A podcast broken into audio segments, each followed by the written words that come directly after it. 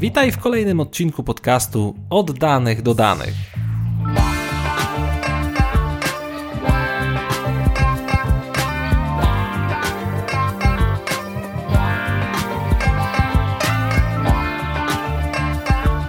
W naukach społecznych istnieje coś takiego jak teoria kręgów, opracowana przez profesora Dunbara.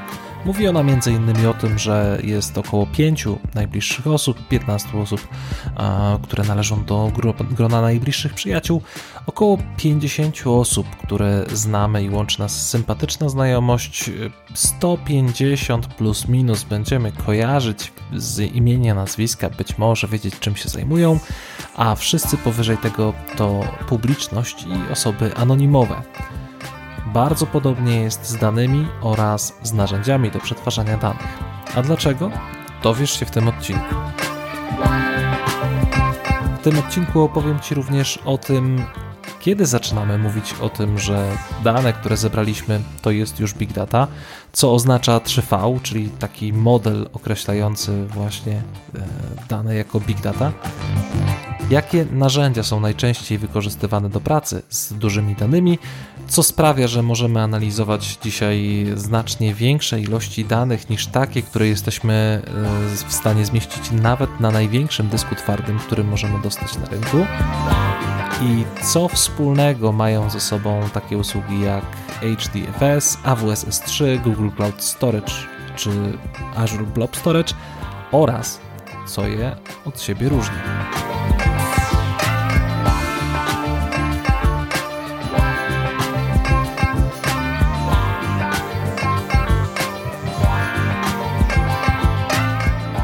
Już od czasów starożytnych ludzie organizowali się w grupy, a to grupowanie rządziło się pewnymi prawami.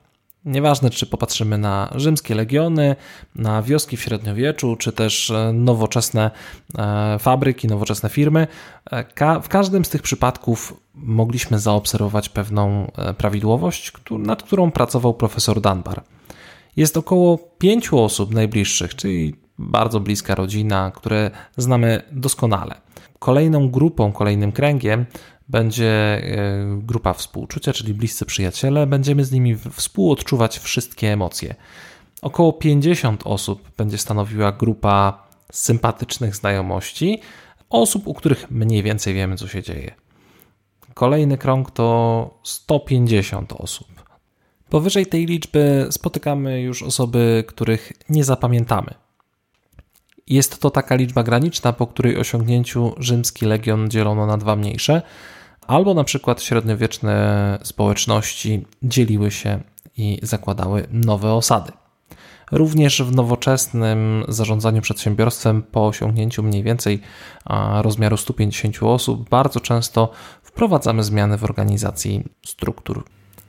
Wspominam o tym dlatego, że e, moim zdaniem te proporcje doskonale opisują granice pojmowania ludzkiego.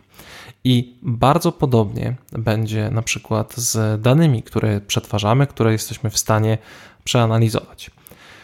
Wyobraźmy sobie, że codziennie sięgamy do jakiegoś bardzo wąskiego e, zestawu informacji. Codziennie otwieramy kilka źródeł, z których e, czerpiemy informacje. Będzie ich prawdopodobnie około pięciu, może dziesięciu. Istnieje pewnie też kilkanaście, może kilkadziesiąt źródeł, w których z łatwością się odnajdziemy. Znajdziemy informacje, których szukamy, wiemy, że tam akurat trzeba um, sięgnąć i w zasadzie bardzo dobrze kojarzymy ich zawartość. Gdybyśmy bardzo się skupili, będziemy również w stanie wymienić z grubsza 100-150 miejsc, w których odnajdziemy informacje danego typu, czyli wiemy czego szukać w którym miejscu. Istnieją natomiast miliardy źródeł anonimowych, z których moglibyśmy skorzystać, ale najpierw musimy je odszukać albo poznać. Tak więc to są to e, źródła danych, których po prostu nie znamy. Jeśli spojrzymy na przykład na narzędzia, z których korzystamy, niezależnie od tego, czy pracujemy jako inżynier danych, jako data scientist, programista, czy jesteśmy zwykłym użytkownikiem na przykład aplikacji biurowych czy aplikacji komputerowych. E, jest kilka takich narzędzi, z których korzystamy codziennie. do kilkunastu będziemy sięgać w niedalekiej perspektywie, na przykład w ciągu tygodnia. Kilkadziesiąt narzędzi e, będziemy znać na tyle dobrze, że z przyjemnością sięgniemy do nich ponownie, albo wiemy, że takich nie lubimy, że nie chcemy z nich korzystać już nigdy. Z pewnością znaleźlibyśmy pewnie ponad 100 różnych aplikacji albo frameworków, o których wiemy do czego służą, mniej więcej wiemy, kiedy powinniśmy ich używać. Ale istnieją też setki tysięcy innych aplikacji, co do których e, w zasadzie nie mamy zielonego pojęcia, do czego służą. Czyli gdyby ktoś wymienił nam nazwę takiej aplikacji, my możemy jedynie wzruszyć ramionami.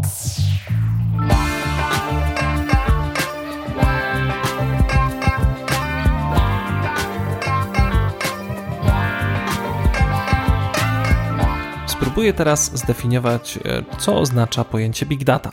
Big data, czyli ogromne ilości danych, e, to w zasadzie jest takie pojęcie stricte teoretyczne. Warto zwrócić uwagę na to, że tak naprawdę każda era miała swoje big data.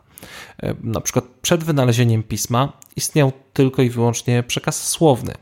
W momencie powstania pisma obrazkowego pozwalało ono utrwalać skojarzenia i ułatwiać zapamiętywanie, co dawało nam możliwości przekazywania większej ilości informacji z pokolenia na pokolenie.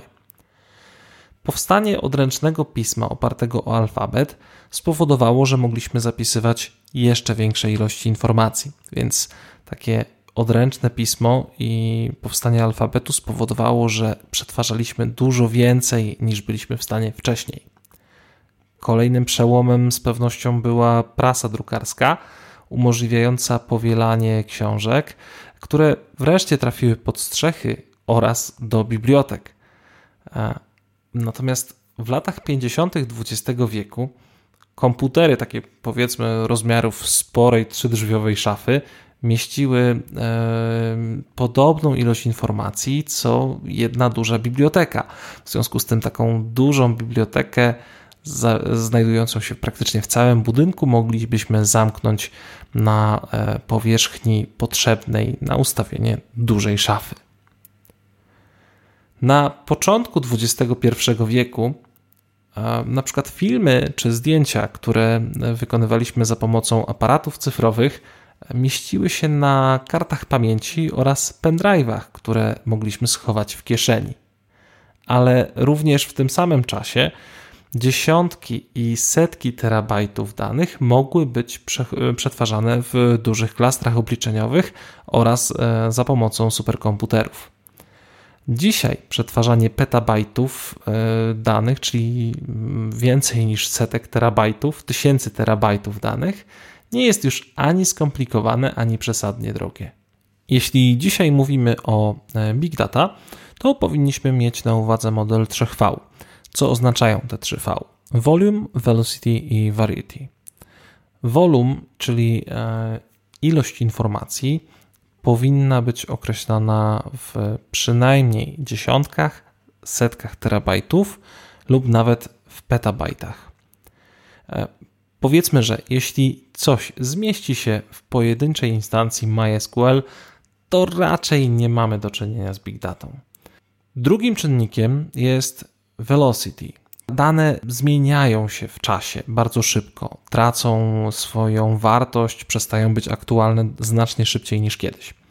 Pamiętam, kiedy mój tata wspominał, że odkąd był młody, w telewizji y, na każde święta Bożego Narodzenia puszczano świąteczną gospodę, a na Wielkanoc znachora. Y, tak swoją drogą wyobrażacie sobie święta bez Kevina? Dzisiaj po prostu chcielibyśmy konsumować naszą informację od razu. E, nie chcemy już czekać e, do kolejnych świąt, żeby ponownie obejrzeć świąteczną gospodę e, i nie chcemy już czekać na przykład miesiąca na to, aż w wypożyczalni kaset wideo będzie dostępny film, który chcieliśmy obejrzeć. Dzisiaj zdecydowanie wolelibyśmy skorzystać z serwisu VOD, który w danym momencie, w którym chcemy obejrzeć film, będzie on dostępny i nie będziemy musieli tego planować w przyszłości. informacje żyją znacznie krócej. Większość traci swoją aktualność w ciągu jednego dnia, a dość rzadko zdarza się, że informacja ma jakieś większe znaczenie przez dłużej niż tydzień. Trzecim elementem jest variety, czyli różnorodność. Nie tylko książki będziemy przechowywać e, w postaci tekstowej w naszych bazach danych, nie tylko tabele zawierające jakieś informacje. Dzisiaj przechowujemy m.in. zdjęcia, wideo, muzykę, jakieś dane pochodzące z API aplikacji, nie wiem, łańcuchy DNA i mnóstwo innego rodzaju danych. Te dane możemy e, podzielić na ustrukturyzowane i nieustrukturyzowane. Mogą tam się znaleźć również dane semistrukturalne, czyli na przykład pliki w e, postaci takiej jak JSON czy XML e, lub dane hiperstrukturalne, jak na przykład właśnie łańcuchy DNA. Po określeniu tego modelu 3V, wiele osób zaczęło mówić o tym, że żeby informacja o big data była kompletna, powinniśmy wziąć pod uwagę kolejne V, czyli e, Veracity. Możliwość taniego składowania dużych ilości informacji powodowała, że domyślnie mieliśmy pokusę zapisywania wszystkiego i tworzenie takiego swojego rodzaju śmietnika na dane. E, więc Veracity określało, że dane, które zbieramy, które chcemy przetwarzać, powinny być dobrej jakości, czyli przede wszystkim musimy mieć możliwość wyciągnięcia z nich jakiejś e, informacji. One muszą być zorganizowane w odpowiedni sposób, muszą być w miarę czyste oraz spójne. Piątym V, które powstało podczas rozszerzania tych e, własności, było value. Value oznacza oczywiście wartość, czyli musimy umieć zarobić na tych danych, żeby w ogóle można było e, myśleć o ich zbieraniu. Na przykład, jeśli weźmiemy pod uwagę taki clickstream albo metadane, oczywiście z nich można wyciągnąć jakieś, e, jakieś informacje, bo na podstawie analizy tego, jakie czynności wykonuje użytkownik albo e, z jakiego systemu operacyjnego korzysta, można w jakiś sposób analizować zachowanie. E, przykładowo wiemy, że użytkownicy Apple zapłacą znacznie więcej za hotele albo usługi, które im się zaoferuje. Model 3V, 4V, 5V często był rozszerzany jeszcze do 6, 7, 8, 9V, ale tak naprawdę Big Data to 3V: Volume, Velocity oraz Variety. Dzisiejsza data nie jest do końca przypadkowa. Mamy 14 e, kwietnia 2021 roku, a to oznacza, że to właśnie dzisiaj oficjalnie startuje e, nowy region e, warszawski usług Google Cloud Platform. Jest to całkiem duże wydarzenie, wszyscy się z tego powodu cieszą, więc i my będziemy to świętować. A świętować będziemy to w taki sposób, że opowiem, jak to się zaczęło jak zaczęła się przygoda Big Data, od tego, że Google zastanawiało się, czy można skopiować internet na dyskietkę.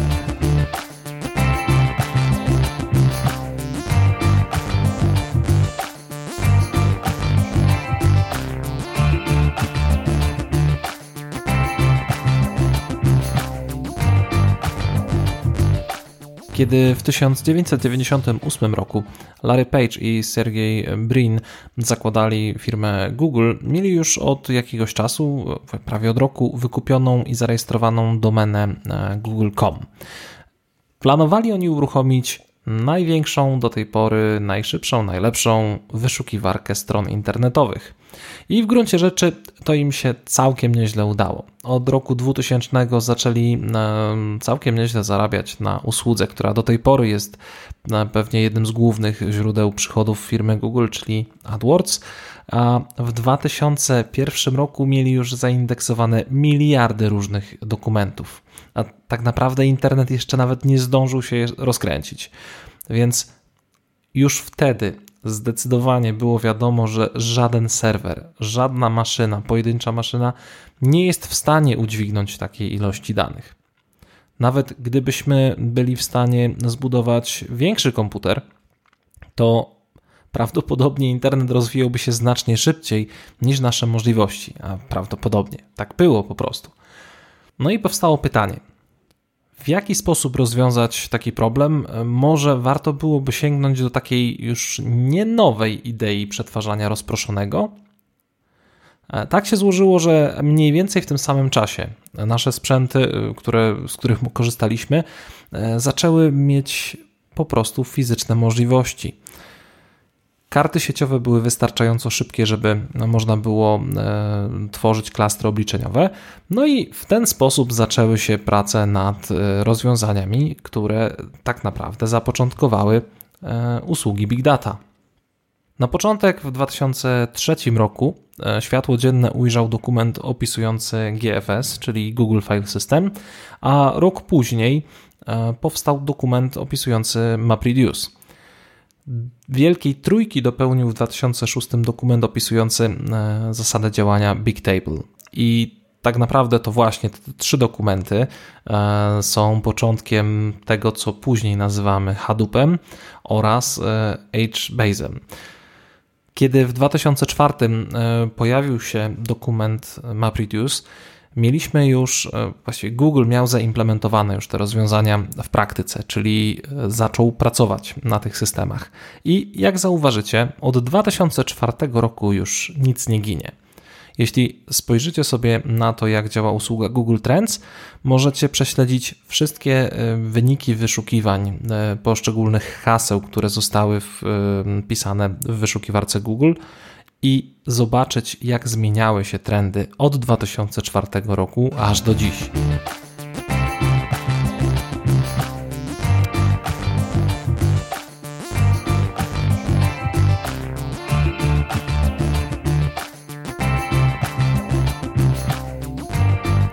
Jak pewnie się domyślasz, na odpowiedź świata open source'owego nie było, długo, nie było trzeba długo czekać.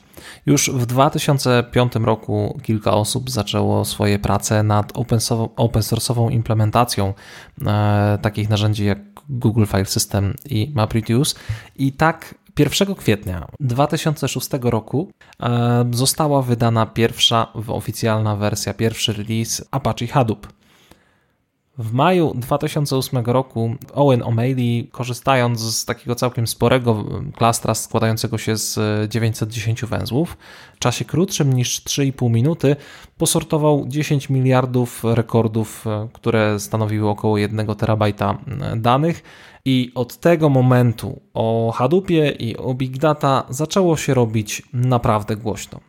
Hadoop tak naprawdę stał się w tym momencie synonimem wielkich danych, ponieważ było to rozwiązanie nie wymagające żadnych licencji, nie wymagające jakiegoś konkretnego, zaawansowanego sprzętu, ponieważ można go uruchomić e, praktycznie na każdym dowolnym serwerze zgodnym z architekturą PC a w dodatku z powodzeniem mogącym konkurować z superkomputerami, e, które były produkowane przez gigantów takich jak choćby IBM. Od 2011 roku e, Big Data, która oczywiście była kojarzona z Hadoopem, pojawiała się cyklicznie rok po roku na słynnym Hype Cycle of Emerging Technologies Gartnera. No i wtedy tak naprawdę już wszyscy zaczęli o tym mówić. Nie było chyba dużej firmy, która e, mniej więcej w latach 2013-2020 nie planowała lub nie implementowała rozwiązań opartych o Hadoop. Ja gdzieś w tamtym czasie trafiłem na takie stwierdzenie, że lata 2013 do 2020 to będzie era Big Data. No i w sumie ci, którzy tak mówili, mieli całkiem niezłego nosa. Jeżeli popatrzysz sobie na wykresy Google Trends, e, to bardzo łatwo można zaobserwować, że mniej więcej właśnie po tym 2011-2012 roku był bardzo duży przyrost ilości zapytań zarówno o Big Data, jak i o Hadoop, a po tym 2016-2017 roku zaczęło to powoli opadać i teraz jest e, tych zapytań mniej więcej dwa razy mniej niż e, w szczytowym momencie. I chociaż już o tym wspominałem, chciałbym podkreślić jeszcze raz, że to, że przestajemy mówić w tej chwili o big data, to wcale nie znaczy, że przestajemy e, też te dane przetwarzać. Coś, co kiedyś było wyjątkowe, rzadko spotykane, e, mało popularne, w tej chwili staje się naszą codziennością. I to wszystko. Dzisiaj po prostu inżynier Big Data staje się inżynierem danych, a Big Data staje się po prostu nowoczesnym przetwarzaniem danych. Zastanawiam się, czy wiesz, czym jest Hadoop, jakie są jego składniki oraz czy słyszałeś może, dlaczego odniósł aż tak spektakularny sukces. Jest to jedno z pierwszych narzędzi, które tak naprawdę na masową skalę dało nam możliwość szybkiego odpytywania dziesiątek, setek czy tysięcy terabajtów e, za pomocą przystępnych cenowo rozwiązań. Dostawaliśmy w ramach e, takiego klastra Hadoop ogromną moc obliczeniową, zbudowaną stosunkowo niskim kosztem. Jedną z najważniejszych cech tego rozwiązania jest ogromna skalowalność. Im więcej węzłów, tym więcej mocy obliczeniowej, którą możemy wykorzystać e, do naszych obliczeń. Poza tym, wraz ze wzrostem liczby węzłów, wzrasta również pojemność klastra. Kolejną cechą, która powoduje, że to rozwiązanie e, stało się tak popularne, jest e, brak wymagań co do sprzętu, Hadoop można zainstalować i uruchomić praktycznie na dowolnym serwerze klasy x86, czyli każdym serwerze, który, możemy kupić w dowolnym sklepie z komputerami. Tak naprawdę moglibyśmy go uruchomić nawet na zwykłych laptopach, PC-tach, czy e, niektórzy próbowali to zrobić nawet na Raspberry Pi. Na pewno można zaoszczędzić bardzo dużo pieniędzy, dlatego że to oprogramowanie nie korzysta z płatnych licencji, a przynajmniej w podstawowej wersji, ponieważ oczywiście dostępne są e, dystrybucje, które obejmują dodatkowe wsparcie oraz oprogramowanie. Jednak podstawowe e, elementy Hadoopa są bezpłatne i objęte licencją open source. To powoduje, że mamy niskie koszty, szczególnie w połączeniu z niskimi kosztami sprzętu. Ponieważ korzystamy tutaj z bardzo prostych e, urządzeń, które normalnie ulegają awarii, e, design tego rozwiązania przewiduje od razu, że e, ten sprzęt po prostu będzie się psuł. Zakładamy, że jeśli mamy taki klaster składający się z tysiąca węzłów, to statystycznie w ciągu trzech lat codziennie przynajmniej jedna z tych maszyn powinna ulec awarii. Hadoop daje nam również e, bardzo dużą elastyczność. Mamy możliwość korzystania z języka programowania Java, który jest jednak mimo wszystko trochę bardziej elastyczny niż e, tylko i wyłącznie SQL, e, ale oprócz tego mamy również dostęp do bardzo wielu narzędzi wchodzących w skład ekosystemu. Dodatkowo fakt, że licencja open source obejmuje e, te podstawowe komponenty oraz większość elementów ekosystemu, e, daje nam korzyści nie tylko w postaci oszczędności pieniędzy, ale również e, w postaci bardzo dynamicznego rozwoju. Uruchomienie oprogramowania na licencji open source sprawia, że więcej programistów może kontrybuować w dostarczaniu takich rozwiązań i dzięki temu rozwijają się one znacznie szybciej. Hadoop jest również otwarty na dodatkowe elementy ekosystemu i ten ekosystem jest naprawdę bogaty. Możemy korzystać z tysięcy różnego rodzaju narzędzi ułatwiających pracę z Hadoopem.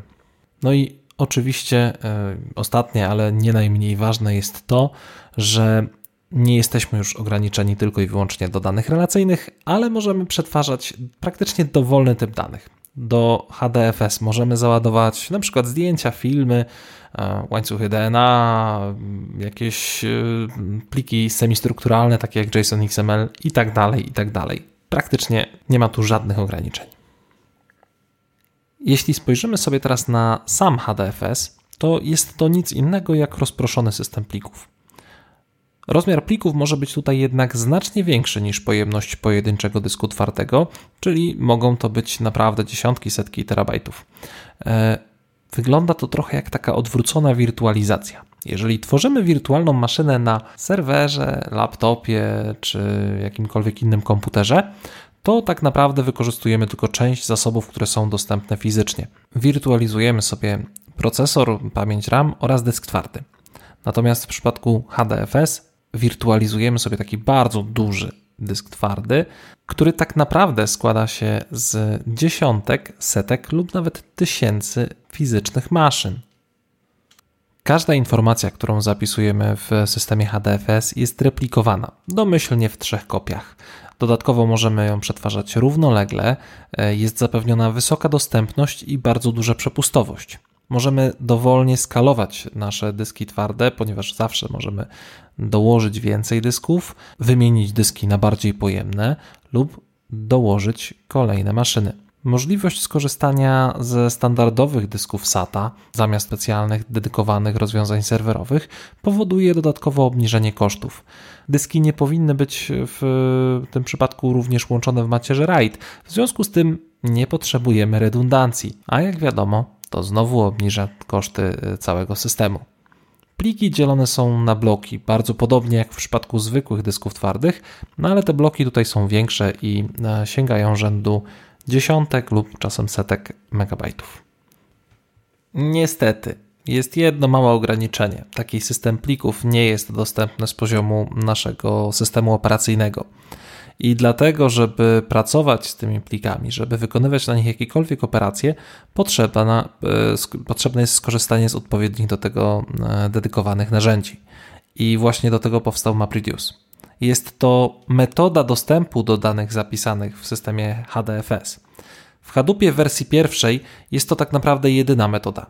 W wersji drugiej i trzeciej Hadoop wprowadza również inne metody dostępu.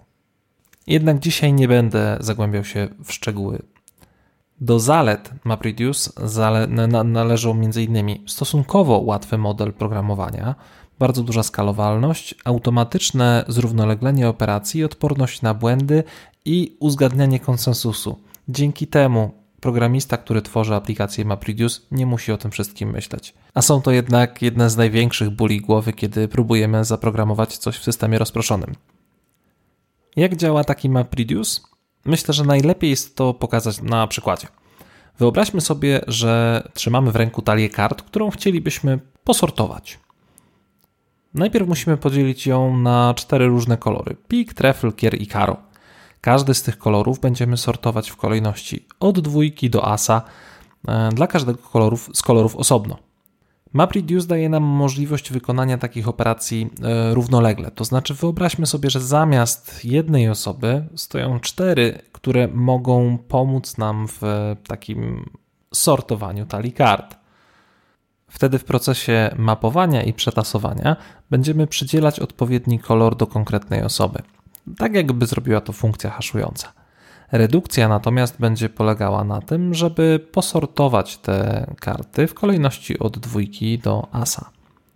Może nie jest to specjalnie dobry przykład, ponieważ talia zawiera tylko 52 karty, więc y, trudno nam zauważyć korzyści, jakie płyną z zastosowania równoległych operacji w tym przypadku. Więc spójrzmy na drugi przykład. Wyobraźmy sobie, że mamy miliard kart których wartości, znaczy nie, nie wiemy jakie to są karty, są jakieś losowe karty należące do talii. Chcielibyśmy policzyć, ile kompletnych talii moglibyśmy e, złożyć z takiego miliarda losowych kart. Wyobraźcie sobie, ile czasu potrzebne, potrzeba byłoby, żeby jedna osoba wykonała taką operację. No, dużo. Ale gdybyśmy mieli 52 kolegów, Każda z tych osób może się zająć po prostu jedną figurą jednego koloru. W takim przypadku mapowanie mogłoby polegać na tym, że przydzielamy jedną kartę do jednej osoby. Czyli ja na przykład liczę dwójki trefl, a ty asy pik. Redukcja tutaj będzie natomiast jeszcze prostszą operacją, bo po prostu będziemy musieli policzyć karty, które trzymamy w ręku. Najmniejsza suma wszystkich kart zawierających jedną figurę jednego koloru będzie po prostu określała liczbę talii kart, które możemy skompletować z takiego zestawu.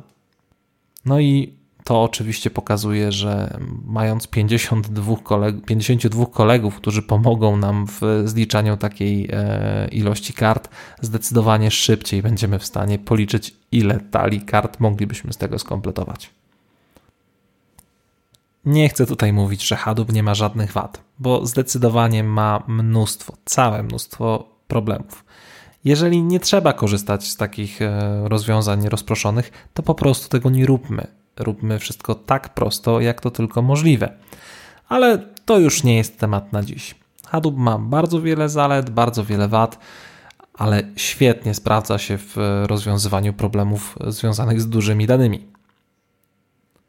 Jednak w nowoczesnym świecie, a szczególnie w świecie e, związanym z chmurą obliczeniową, e, nie jest to jedyny sposób na przechowywanie dużych ilości danych.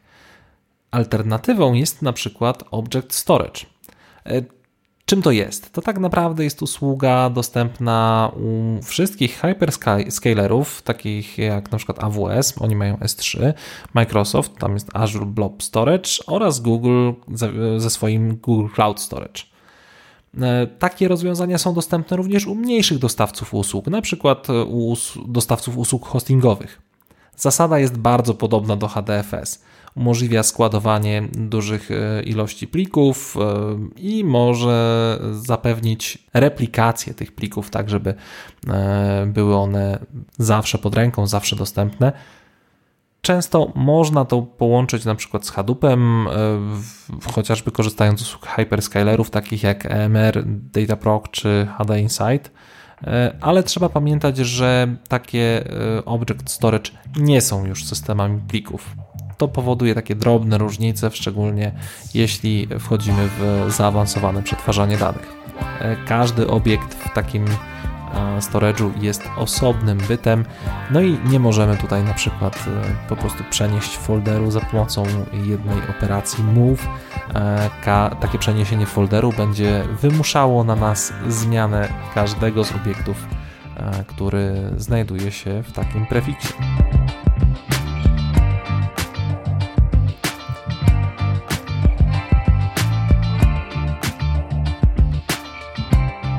Dzięki takim usługom jak HDFS i Object Storage oraz dzięki narzędziom podobnym do Hadoop możemy pracować z petabajtowymi plikami i to nie jest już dzisiaj ani trudne, ani skomplikowane, ani nawet przesadnie drogie.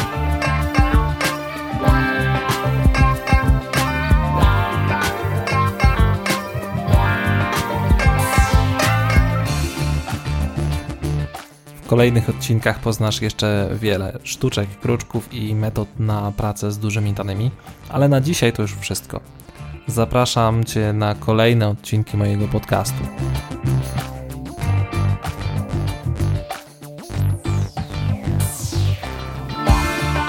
I uwaga, bardzo Cię proszę, zasubskrybuj ten e, podcast, bo to naprawdę ma znaczenie. Ty za to zyskujesz pewność, że nic cię nie ominie i dowiesz się o tym, że pojawił się kolejny z odcinków. Dziękuję Ci dzisiaj za uwagę i życzę miłego testowania nowego regionu GCP. Do usłyszenia!